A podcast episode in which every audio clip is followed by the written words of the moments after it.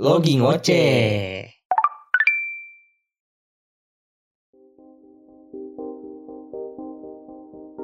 PPKM udah dua minggu berjalan. Setelah beberapa kali hal serupa terjadi di negeri ini. Kali ini gue nggak mau banyak sambat, cuma mau nyampein beberapa keluh kesah gue selama tertahan untuk nggak bisa pergi ke mana-mana. Jujur, gue bukan orang yang suka banget berada dalam keramaian.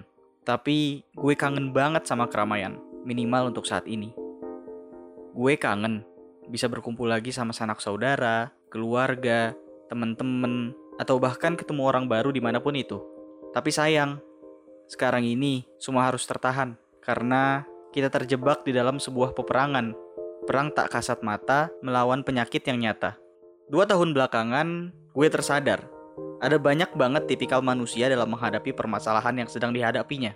Tapi, di antara jenis-jenis manusia itu, ada satu yang gue nggak habis pikir, yaitu mereka yang udah kehilangan common sense-nya dalam menilai suatu kejadian. Memang, gue nggak mendukung berbagai teori konspirasi yang ada, tapi gue juga nggak menutup mata kok dalam menyikapi mereka yang berargumen melalui teori-teori konspirasi yang mereka yakini.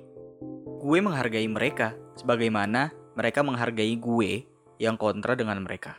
Tapi ada aja gitu, oknum yang malah memanfaatkan kondisi saat ini. Dengan minimnya empati yang mereka miliki, mereka malah seolah-olah menantang si penyakit dan merendahkan orang-orang yang percaya dengan eksistensi penyakit ini. Ya, gue tahu, lu tuh sehat bro.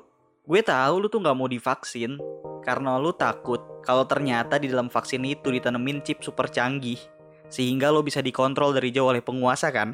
Gue tahu, tapi tolonglah, Jangan biarin orang lain menderita karena imajinasi keren lo ini. Cukup deh, kalau lo mau skeptis dengan apa yang terjadi sekarang, ya cukup untuk berhati-hati aja. Jangan malah nyebarin pemberitaan dan stigma yang aneh-aneh ke masyarakat. Lo tuh udah lebih parah dari mereka yang punya mental illness karena habis nonton film Joker. Iya, karena pengakuan mereka hanya sekedar self-proclaim yang gak banyak ngerasain orang lain. Lah elu! Udah deh, cukup sekian. Bye.